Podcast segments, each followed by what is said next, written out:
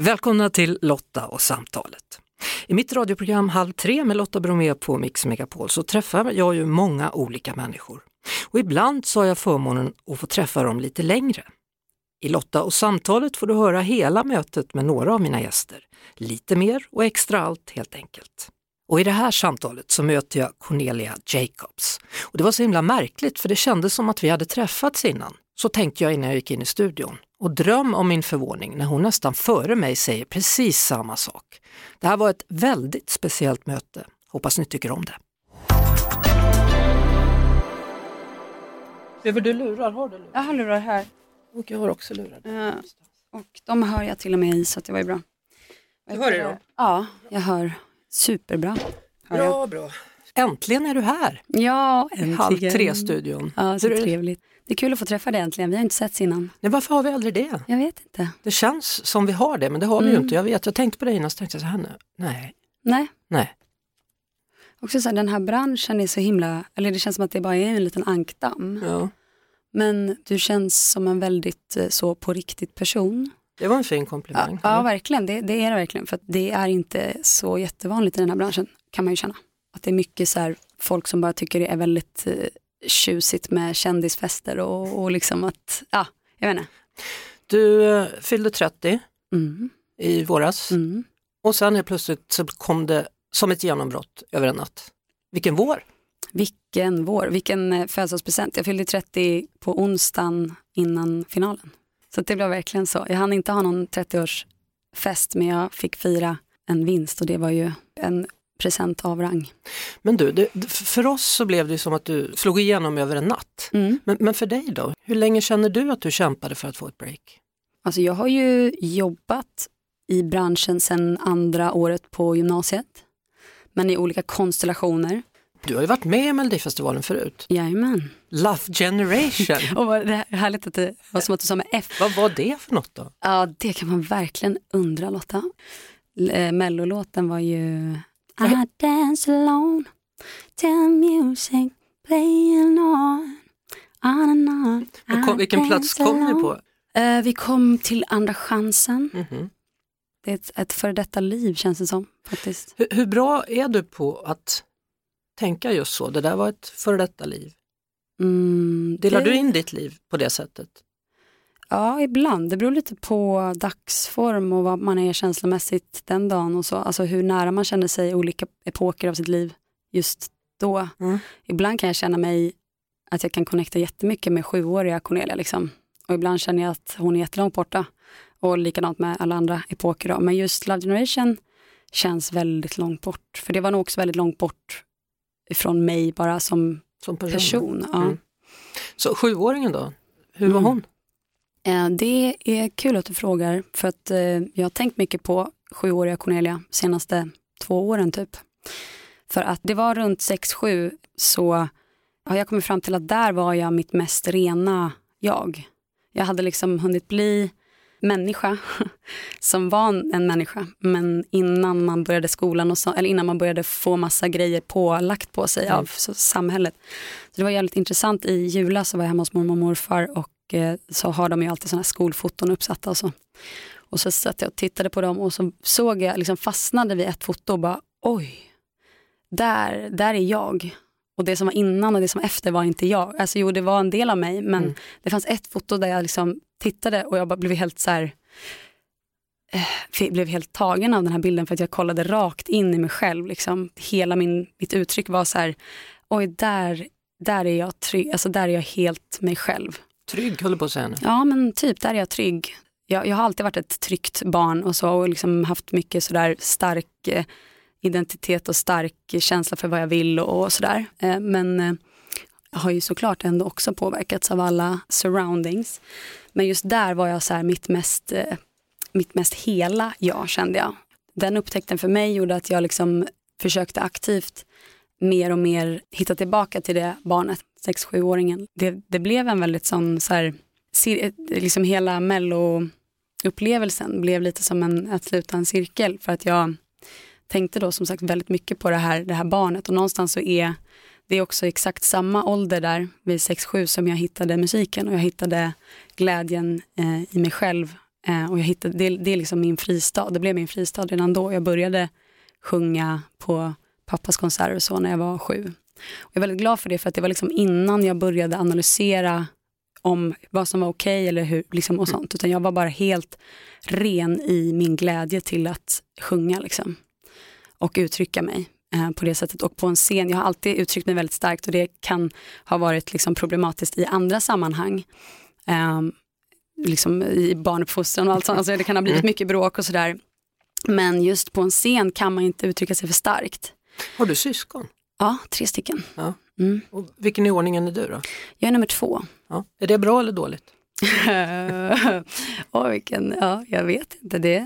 Fick du egna saker eller fick du ärva? Ärva, absolut. Men det ja. kanske inte gör så mycket för du gillar second hand? Så att... Älskar second hand. Ja. Jag har inte brytt mig så mycket om sånt faktiskt. Alltså, jag har inte aldrig haft någon sån där Eh, eller jag har alltid tyckt, velat vara, jag har alltid velat vara annorlunda. Eh, alltså, så jag har inte tyckt att när, när, folk har haft så här, Åh, nu ska alla ha såna här kanadagåsjackor eller så, det har varit så här, jag vill inte ha en sån. Typ. Eh, så det har ju varit kanske fördelaktigt då, eftersom jag aldrig fick någon sån heller, för de hade inte råd med det när jag var liten. Nej, jag kan känna igen mig där också då. Eh, mm. Jag tror att mina föräldrar tyckte vi kanske inte att det var jätteviktigt att köpa just dobberjeans med indianer Nej. Eh, på fickorna. För det var vad man skulle ha, jag kommer från Skövde och där skulle man ha dobberjeans med indianer. Wow, du måste googla en bild sen för ja. jag, det låter spännande men ja. jag vet inte ens vad dobberjeans är. Nej. Och så, eller så skulle man ha Lylan Scott-tröjor, du oh. vet med en sån här uh, örn där. Oh, okay. Nej, jag fick inte det heller. Nej. Utan jag hade annat, ja. Bergesjeans till exempel. Eller silverdollarjeans. Oj, det här måste du också googla upp en bild på sen. du vill inte se det. Ja. Nej, men, alltså, men, men, hur blev det för dig då? För att jag, en del av mig mm. var ju annorlunda. Jag kände jag var ju annorlunda och jag vågade mm. vara annorlunda. Men det fanns också en annan del av mig som kände att jag vill verkligen höra till. Mm. Varför får jag inte vara med här? Vilket inte betyder att jag jag blev mobbad, det är inte det jag pratar om, men jag kände liksom nej, men var ska jag vara i allt det här då? Mm, just det. Um, eller gick du din egna väg eller var det folk som tyckte du var konstig eller vad? Faktiskt fram till att jag blev vuxen, så, eller typ gymnasiet, så var jag väldigt ångestfri. Alltså jag har varit väldigt positiv, väldigt filosofisk och tänkande och analyserande men jag har haft väldigt mycket eh, positiva och sådär, jag har haft mycket energi och varit väldigt eh, utåtriktad mm. i min energi. Så jag har haft väldigt lätt att eh, hitta sammanhang och så. Men jag har nog också samtidigt, eh, allt, jag har alltid känt mig lite ensam också. Eh, mm. Fast jag kanske har hittat de känslorna mer sen man blev äldre och började känna mer och mer att man inte riktigt får ihop, att saker inte gick så som man kanske hade tänkt och som det gick för andra eller så. Mm. Jag vet inte, men, men du, det jag skulle bara säga om eh, det här med cirkeln som blev sluten var att det var så intressant därför att jag, jag gick jättemycket hos eh, min psykolog under den här hösten inför, ja, för ett år sedan och så. Eh, även innan det och efter, men, men då pratade vi mycket om den här 6-7-åringen för att jag berättade att jag hade hittat den här bilden och att jag, den drabbade mig så. Liksom. Och eh, vi kom liksom fram till när vi pratade om det att det är den här, det är den här 6-7-åringen som är the source i, min, i, i mig, eller den som är den kreativa mm. källan och den som behöver få vara fri för att må bra och liksom kunna vara kreativ. Um, och det är när jag liksom, när, den, eh, när barnet i mig så att säga inte får, eh, när, när, gränser träds över, det är då jag liksom inte mår bra i det och inte kan inte kan eh, prestera. Men då i alla fall så då pratade vi mycket om att min enda uppgift som Cornelia 30 år är att se till att Cornelia, sex år, eh, kan få vara som hon vill och liksom vara fri där inne så att ingen får träda över de här gränserna. Liksom. Mm. Och eh, så typ en månad innan Mello så hittar jag en ring, bara så här, by coincidence i någon låda så, som är den första ringen som jag köpte och det var när jag var sex eller sju år i mm. Gamla stan. Och där startade mitt, så här, eh, min eh, eh, vad säger man, min mani för smycken och så har jag alltid älskat att uttrycka mig liksom med, ja nu har jag faktiskt inte några Inte en enda ring på Nej, dig då? det är för att det var, klockan var fem när jag gick upp. Mm. Jag kunde inte tänka klart. Eh, det, och den ringen i alla fall? Den ringen, eh, det är en jag, jag, var helt säker på att den var magisk när jag köpte den. För det var, den var liksom en stor grön eh, glassten i. Mm. Och jag, hade, jag älskade att titta på Glasblåsarens barn Mm. Har du sett den filmen? Mm. Eh, magisk och då har hon ju en sån korpring och den ser ingenting ut som den här men jag var ändå säker på att det var liksom samma typ av magi. Um, och uh, då när jag hittade den så, uh, testa, så blev jag ju nostalgisk och så testade jag den och så fick den plats på, den liksom fick fortfarande plats på ett finger. Lillfinger, eller? Nej, utan ringfingret på vänsterhanden. Okay. Ja. Uh, och då hade jag liksom redan designat mitt nummer och så för Mello och jag hade den här stora gröna pricken liksom. Mm. Precis som den här ringen. Okay. Och sen, så då blev det som ett så här, jag bara just det, det är sexåringen som jag gör det här för på mm. något sätt. Så då eh, hade jag på mig den där ringen hela Mello och mm. eh, Eurovision och det blev som en sån liksom liten cirkel då som slöts för att jag Också en påminnelse om. Liksom. Precis, och kom, kom, tillbaka till det där barnet och den här ursprungskraften och önska, liksom glädjen och önskan av att få vara fri och göra, göra sin, eh, bara få använda sin röst. Mm. Låten Rise, mm. vad betyder den för dig? Uh, jättemycket betyder den för mig. Um,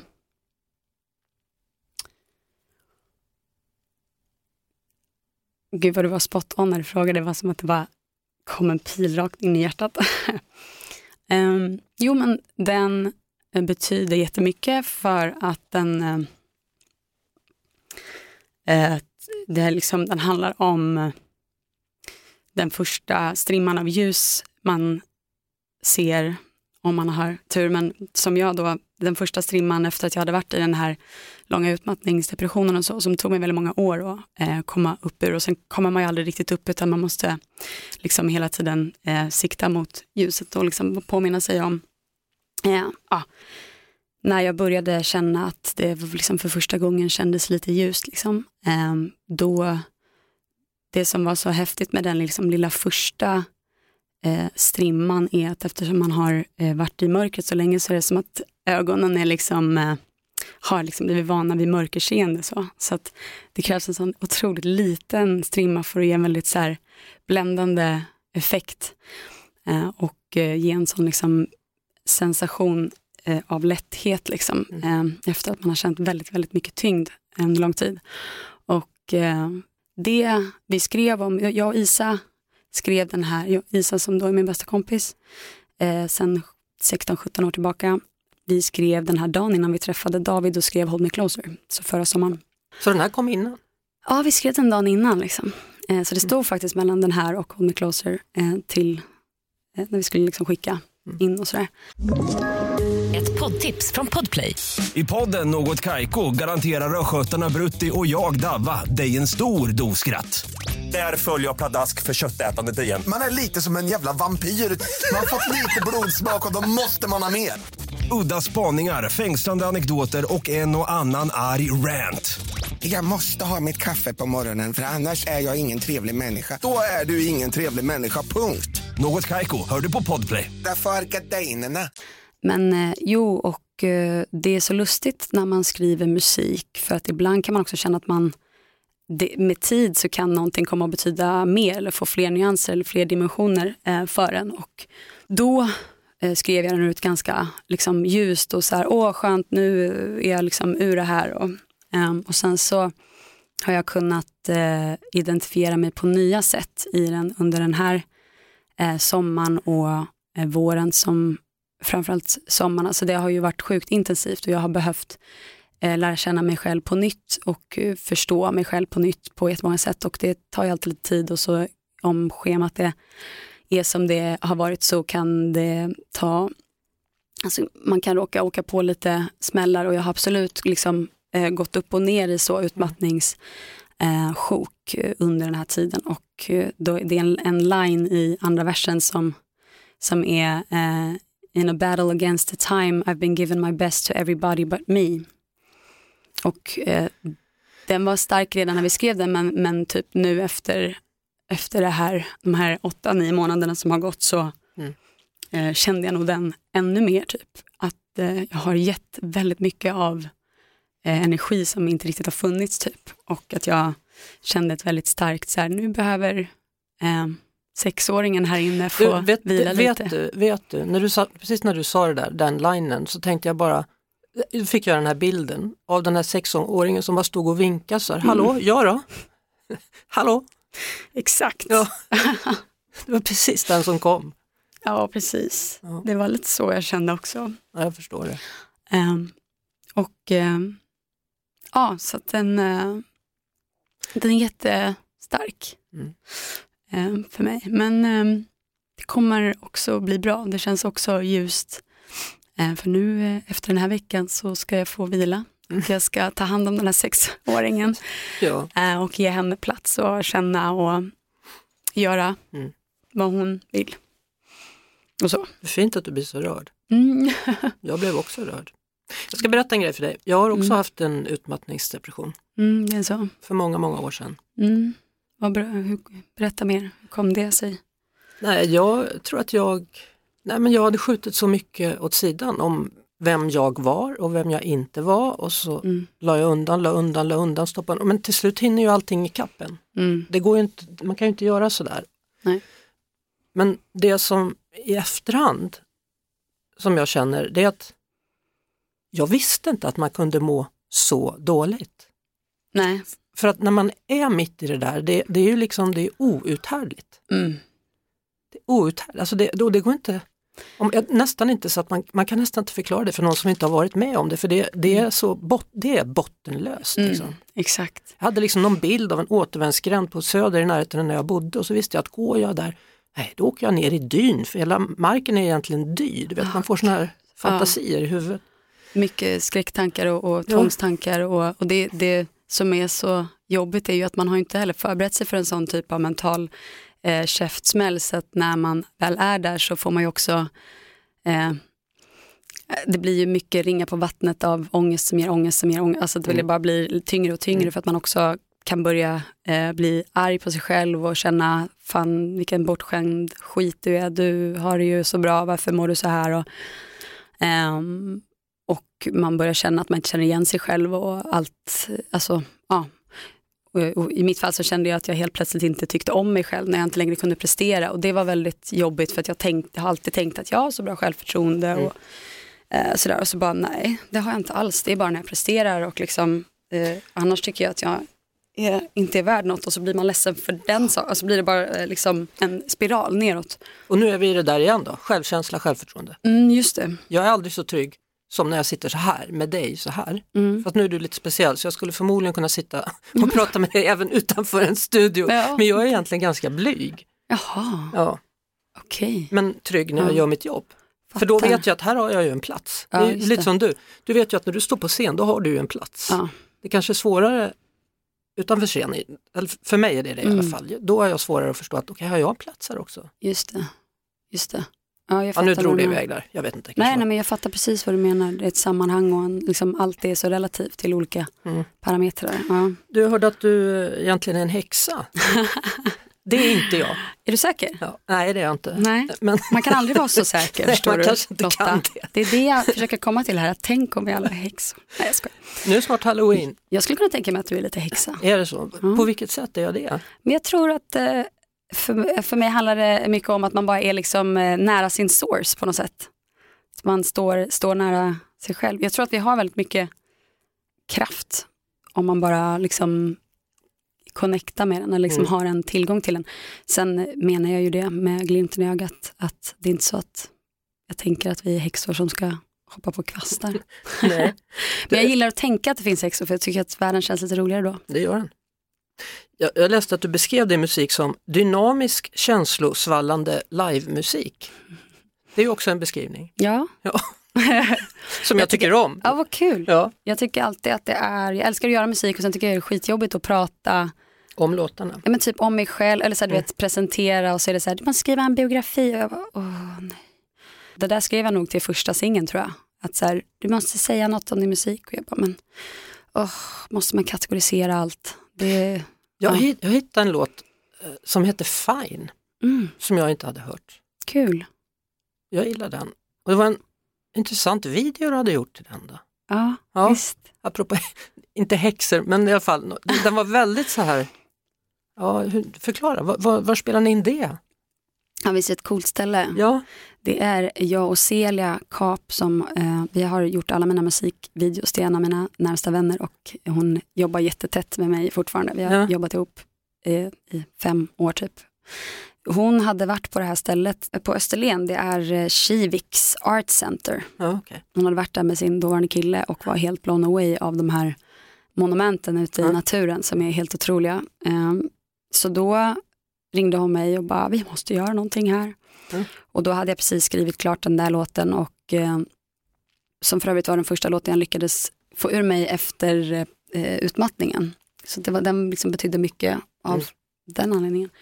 Jag mejlade dem och frågade, det var pandemi och jag sa bara hej jag är independent och har inga pengar men hur kan man få låna eller hyra för en billig Ja. peng eller så. Och de var jättefina och lät oss vara där och eh, filma in den här musikvideon och Celia då hon är ju koreograf i grunden så hon eh, koreograferade de här olika sekvenserna. Det, det förvånar mig den här låten, för helt plötsligt börjar jag sjunga på svenska på Mm. slutet. Vad Ja. hände där? Det var en dröm eh, faktiskt. Det, jag, de, de delarna hör, de liksom var inte ihop från början utan jag fick en dröm när vi var med familjen i New York eh, och jag drömde om en, det var en så Sagan om ringen liknande, att du hör vilken fantasy-nörd jag är Mm, verkligen. Det var, eh, jag liksom stod med mitt folk, vad nu det var för folk och eh, vi skulle snart, i gryningen skulle det komma fiender om det var orcher eller vad det var, eh, liksom över kullen så här. Så, här. så att vi hade någon typ av sista middag ihop. Eh, och jag hade någon man där som var min man men han hade inget, inget ansikte så jag vet inte vem det var. Men, och sen så var det tydligt att, att jag skulle sjunga en sång här då, för det var min uppgift i, i skaran liksom, eh, den här sista kvällen. Och då satt vi där och så började jag sjunga I drömmen nu. i drömmen fortfarande, Mm. ja. eh, I drömmen och eh, så började jag sjunga den delen där. Eh, Och så var det en annan del också. Men, eh, och så i drömmen så vet jag att jag tänkte, jag bara, gud det här var fint. Mm. Det här borde jag komma ihåg. Vänta, jag, jag drömmer ju nu, vänta, väck, jag måste väcka mig själv och komma ihåg det här. Du vet hur svårt det är att komma ihåg drömmar. Så, Och det har hänt mig några gånger innan att jag drömt något och bara, det här är den bästa låten jag har skrivit och sen bara, ja det var ju synd att den är borta nu. Så jag liksom lyckades väcka mig själv och typ vandra ut med, med eh, ögonbindel ut på balkongen för att inte väcka resten av familjen för alla sov i samma rum. Ja. Och jag visste att om jag tar av de här ögonbilden så kommer jag tappa drömmen. Liksom. Så jag försökte liksom hitta min telefon och bara komma ut på balkongen. Det var bara att mamma eh, var vaken så hon trodde att jag gick i, i sömnen. Och blev ju livrädd för jag var på väg ut på balkongen liksom, i New York, det är ganska många våningar. Liksom. Så man hör i min liksom inspelning där ute på balkongen att jag helt plötsligt bara "Ah!" blir jätterädd för att mamma kommer och jag bara nej nej nej inte nu, gå gå gå. För att jag visste att så här, inget får störa, jag måste bara spela in det här.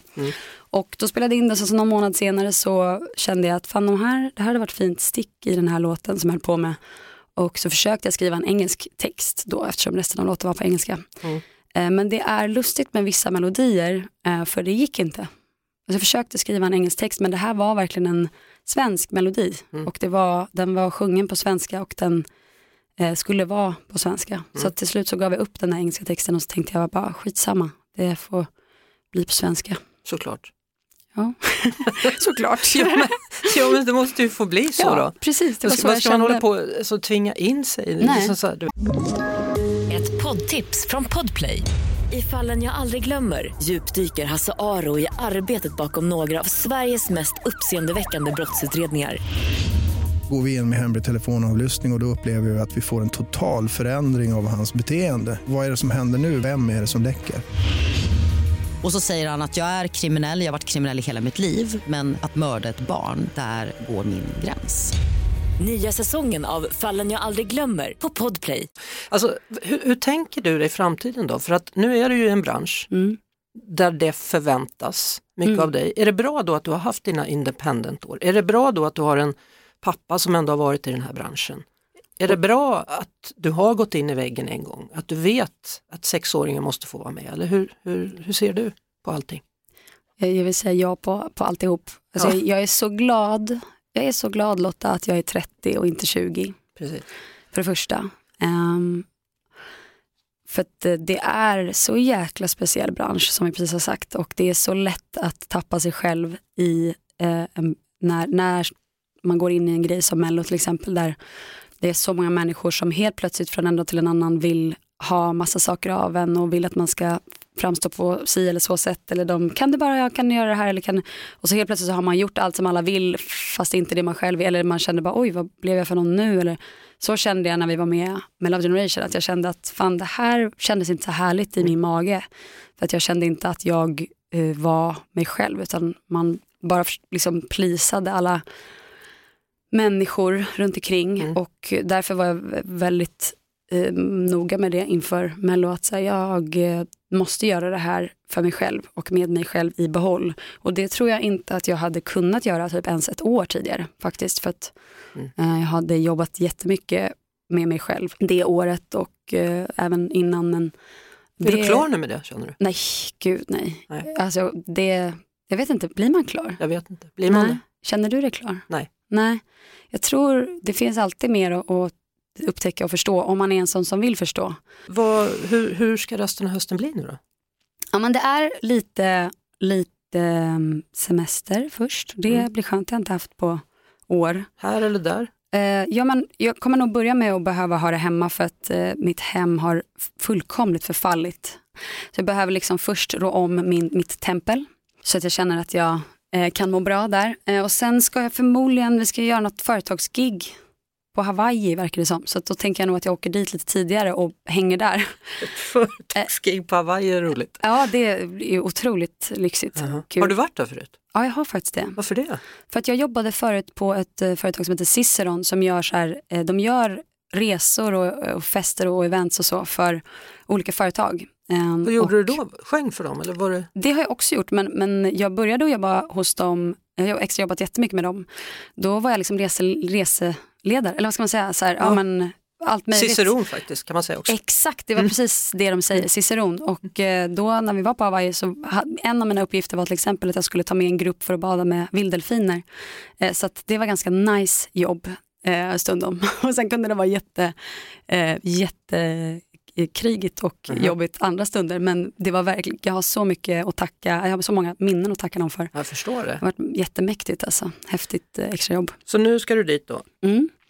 Och sen ska jag, beroende på om jag orkar sätta igång direkt eller om jag behöver en vecka eller två till av att bara stirra i väggen, så sen ska jag börja, jag tänkte låsa in mig och göra albumet klart. Wow. Jag har massa ofärdiga låtar eftersom jag är bra på att börja skriva låtar och inte avsluta dem. Så jag kommer försöka eh, få klart det. Så att jag, mm. jag ska liksom stänga in mig lite den här vintern. Mm. För att jag behöver göra det för att kunna vara kreativ och gå inåt. Jag kan liksom inte vara de här två personerna på samma gång. Alltså. Men, men hur, alltså, nu har du varit runt i Europa också, eller hur? Mm. Så hur tänker du nu? Tänker du nu ska jag vara här i Sverige? Eller tänker du Europa nu? Är det, är det där du är nu? Eller tänker du ännu större? Hmm, hur tänker jag? Alltså jag tror jag har kommit lite till ett stadie där jag typ, jag kommer att ägna mig åt mitt och se till att, att fortsätta att skriva ifrån sexåriga Cornelia. uh, och liksom inte, försöka att inte bli för påverkad av alla förväntningar och så. Ja, um, och Eh, sen eh, får, får man se, tänker jag. Jag eh, har liksom, jag vet inte, jag har faith och samtidigt så vet jag ingenting. Så jag tänker att jag bara börjar där typ. Det, det är väl också det här att man måste komma tillbaka till, alltså att, att turnera är ju lika med inga rutiner överhuvudtaget. och sen är inte jag någon rutinmänniska, jag har aldrig varit, men på något sätt behöver man nog bara eh, akklimatisera. Mm. När det där turnerandet försvinner så behöver man komma på, så här, just det, vem, vem är jag när jag inte turnerar? Vad äter jag? Vad, vad brukar ja, jag vad tänka på? Är du vegetarian? Ja. ja. Är du? Nej, men jag försöker äta vegetariskt eh, några gånger i veckan. Ja, det blir skitbra. Mm. Man får börja om, någonstans. Om alla tänkte så skulle det vara toppen. ja.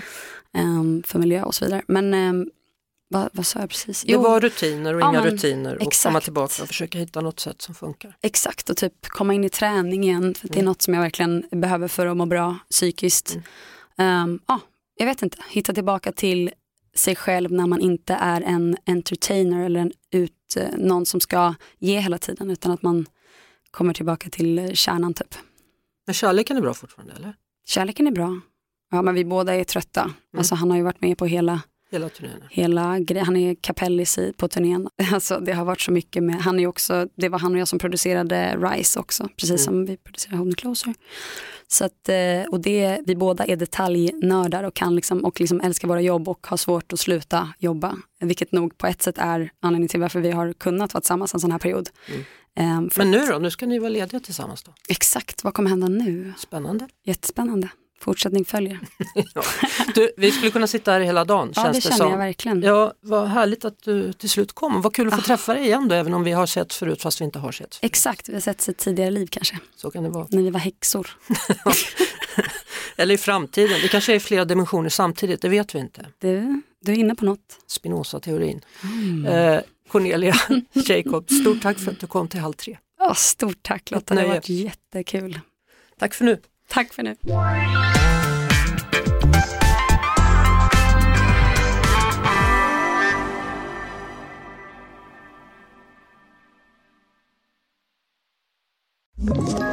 Ett poddtips från Podplay. I fallen jag aldrig glömmer djupdyker Hasse Aro i arbetet bakom några av Sveriges mest uppseendeväckande brottsutredningar. Går vi in med hemlig telefonavlyssning och, och då upplever vi att vi får en total förändring av hans beteende. Vad är det som händer nu? Vem är det som läcker? Och så säger han att jag är kriminell, jag har varit kriminell i hela mitt liv men att mörda ett barn, där går min gräns. Nya säsongen av Fallen jag aldrig glömmer på Podplay.